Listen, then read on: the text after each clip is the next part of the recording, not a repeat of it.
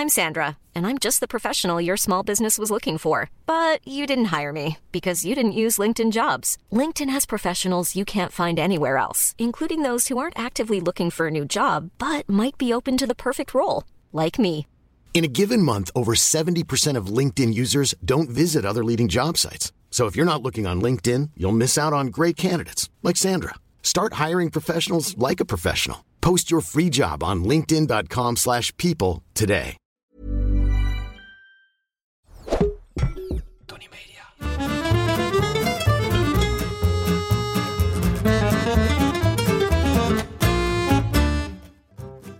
Ik ben Julius Jaspers en ik ben meer dan dol op eten. Iedere week pak ik één product uit mijn voorraadkast en zal jullie daar alles over vertellen. Vandaag is dat. Zeewier. Als ik aan zeewier denk, ben ik gelijk weer terug in mijn jeugd. Ik ben dol op strand en zee. En ik vond het altijd irritant spul waar ik regelmatig met mijn voeten in stond aan de randen van de Spaanse costa. Ik was altijd bang dat er een verdwaalde zeeegel tussen lag. Wat een enkele keer ook zo was. Aan eten dacht ik nog totaal niet.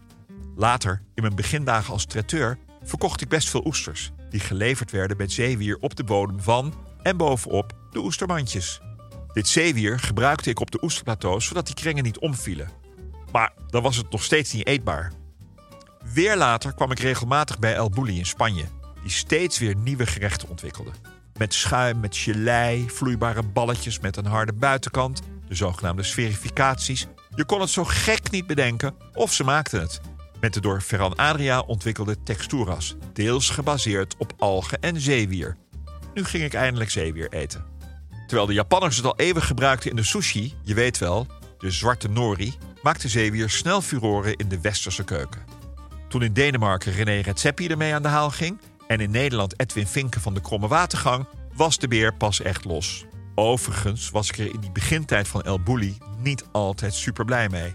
Het bleek dat ik er slecht van sliep. Elke keer weer.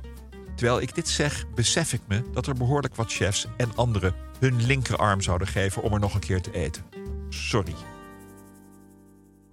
Eetbaar zeewier heeft een rijke geschiedenis die teruggaat tot duizenden jaren voor Christus. De eerste verwijzingen dateren uit China, waar het in de vroege keukens van de Chinese beschaving werd geïntroduceerd.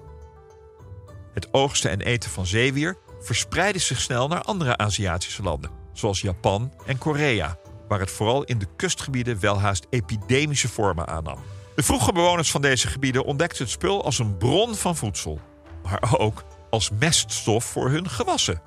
Zeewier kwam er in verschillende vormen voor, zoals nori, kelp, wakame en dulce, elk met zijn eigen smaak en textuur. Nori werd bijvoorbeeld gebruikt om sushi te rollen in Japan, terwijl kelp en wakame werden toegevoegd aan soepen en stoofschotels. Zeewier werd al snel een essentieel onderdeel van de keuken in Azië en bood een overvloed aan voedingsstoffen, waaronder vitamines, mineralen en jodium. Zeewier is in Azië altijd een belangrijk onderdeel van het dieet geweest. Maar dat gold eigenlijk nooit voor andere delen van de wereld. Behalve dan om die oestermandjes mee af te vullen. In de afgelopen decennia heeft eetbaar zeewier echter een inhaalslag gemaakt toen wetenschappers en voedingsdeskundigen de voedingswaarde van zeewier ontdekten en zagen dat het een geweldige bron van eiwitten, vezels en antioxidanten bleek te zijn. Het had ook nog eens het voordeel van duurzaamheid, omdat het efficiënt kon groeien in zeewater zonder het land of zoetwaterbronnen te belasten. Chefs begonnen eetbaar zeewier te integreren in hun gerechten en gebruikten het om smaak, textuur en kleur toe te voegen. En ambassadeurs zoals de eerder genoemde René en Edwin stonden op. De hamvraag deze week komt van Daan Snoeks en gaat niet over ham, maar over zeewier. Beste Julius, wat is het verschil tussen zeewier en zeekraal? Betekent dat ook dat ik gin tonics met zeewier kan drinken? Nou, Daan, je kan gin tonics met van alles drinken. Ik heb er nooit aan gedacht om het met zeewier te drinken. Maar ook niet met zeekraal. Ik vind een goede schijf uh, roze grapefruit veel lekkerder. Weet je trouwens dat uh, heel veel mensen heel moeilijk doen over de gin en de gin tonic? Ik zelf doe veel moeilijker over de tonic in mijn gin tonic. De ene geeft 10% van het uh, volume en smaak en de ander 90%. Dus hou die nog even in gedachten. Het verschil tussen zeewier en zeekraal is vrij eenvoudig. Zeewier groeit in het water, zeekraal groeit aan de kant en heeft water en geen water. En een golfje en geen golfje. Dus die zijn ook regelmatig net zoals oesters, eh, even niet helemaal in het water. Dat is het verschil. In beide gevallen, joh, zout in je gin tonic. Ik zou dat eerder in, hoe heet zo'n vies ding doen, een margarita. Succes! Eetbaar zeewier haal je het beste uit koude en gematigde wateren waar vervuiling geen rol speelt. Dat lijkt me logisch. Japan is misschien wel het meest bekende land als het gaat om het gebruik van zeewier. Hier wordt nori gebruikt voor sushi, kombu voor dashi, een soort bouillon, en wakame voor bijvoorbeeld miso-soep en in salades. In Korea wordt ook veel zeewier gegeten, gefermenteerd in de kimchi, gewikkeld rond rijst of als garnituur op bijvoorbeeld de national dish, de bibimbap. Je weet wel, die rice bowl met 100 smaken en condimenten. Dat is natuurlijk overdreven. Ik zou het bij 12 houden. Toen ik er was, heb ik hele speciale zeewier gekocht in Korea. Plakjes zeewier die op nori lijken, maar met olijfolie ertussen. Niet normaal lekker. In China verwacht je minder snel zeewier, maar toch zijn ze een van 's werelds grootste producenten. En hebben ze een breed scala aan toepassingen in gerechten. Door de wok, in soepen en in dim sum. We steken over naar Europa en komen direct in Ierland dat bekend staat om zijn dulse. Een knapperig rood zeewier dat vaak als snack wordt gegeten.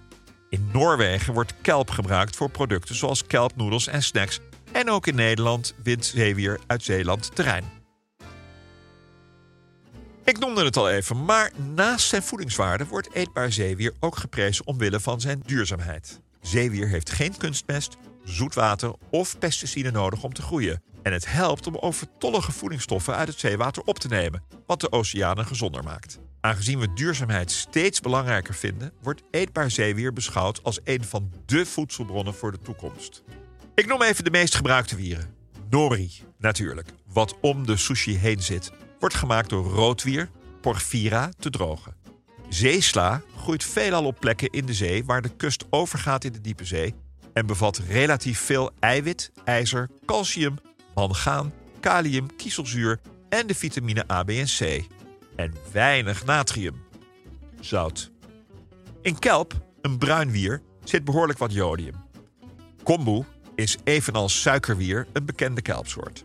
Wakame is ook een bruin wier en groeit tegenwoordig ook in Zeeland. En heeft een rubberachtig, lang, glad, enkelvoudig blad met golvende randen dat tot bijna 2 meter in lengte kan groeien. De wakame die je meestal in de winkel koopt is eigenlijk een salade van het wier, gezouten en aangemaakt met sesamolie. Aram, ik spreek het vast verkeerd uit, noemen ze ook wel zeewier voor beginners. Het heeft een lichthartige, zachte smaak en groeit in de beschermde Ise-shima-ba in Japan in het wild en wordt met de hand geoogst. Het wordt veel gebruikt in miso-soepen, salades of bij soba en udon-noedels. Zeespaghetti klinkt net zo leuk dat het is. Ze noemen het ook wel riemwier. Het is een bruin alg uit vooral Spanje, Bretagne en Ierland. En wordt onder andere als meest voedzame alternatief voor gewone spaghetti gebruikt. Last but not least, dulce, een rood zeewier uit de Atlantische Oceaan, onder andere langs de kust van Ierland. Ook hier weer een goede bron van eiwitten, vitamine, mineralen, zonder al te veel zout en met relatief veel jodium. Allemaal hartstikke gezond dus. Maar vrienden, overdrijf het nu niet en gooi niet dagelijks een pond zeewier naar binnen. Hou het bij maximaal 5 gram gedroogd wier per dag. En let ook op het natrium, oftewel zout. Het natuurlijke zoutgehalte van zeewieren varieert sterk binnen en tussen de soorten. Zeesla bevat nauwelijks natrium, terwijl wakame weer vrij zout is. Vaak zijn de als vers verkochte zeewieren ook gezouten. Ik heb altijd nori in huis. En niet omdat ik elke week sushi maak, want dat doe ik namelijk niet. Ik gebruik het graag op salades of op een kom witte stomende rijst. Het enige is dat ik het altijd even brand. Gewoon kort boven een gasvlammetje of even met de blowtorch, waar ik ook de barbecue mee aanmaak. De smaak kwikt ervan op. Ook heb ik standaard kombu in de keukenkast. Dat geeft net een beetje extra smaak aan de bouillon. En zelf dashi maken is tien keer lekkerder dan uit een zakje of een pakje. Wat ik ook graag maak is een zeewierboter met nori, miso en sesamzaadjes. Even laten opstijven en dan met een dikke plak op een mooi stuk gebakken vlees.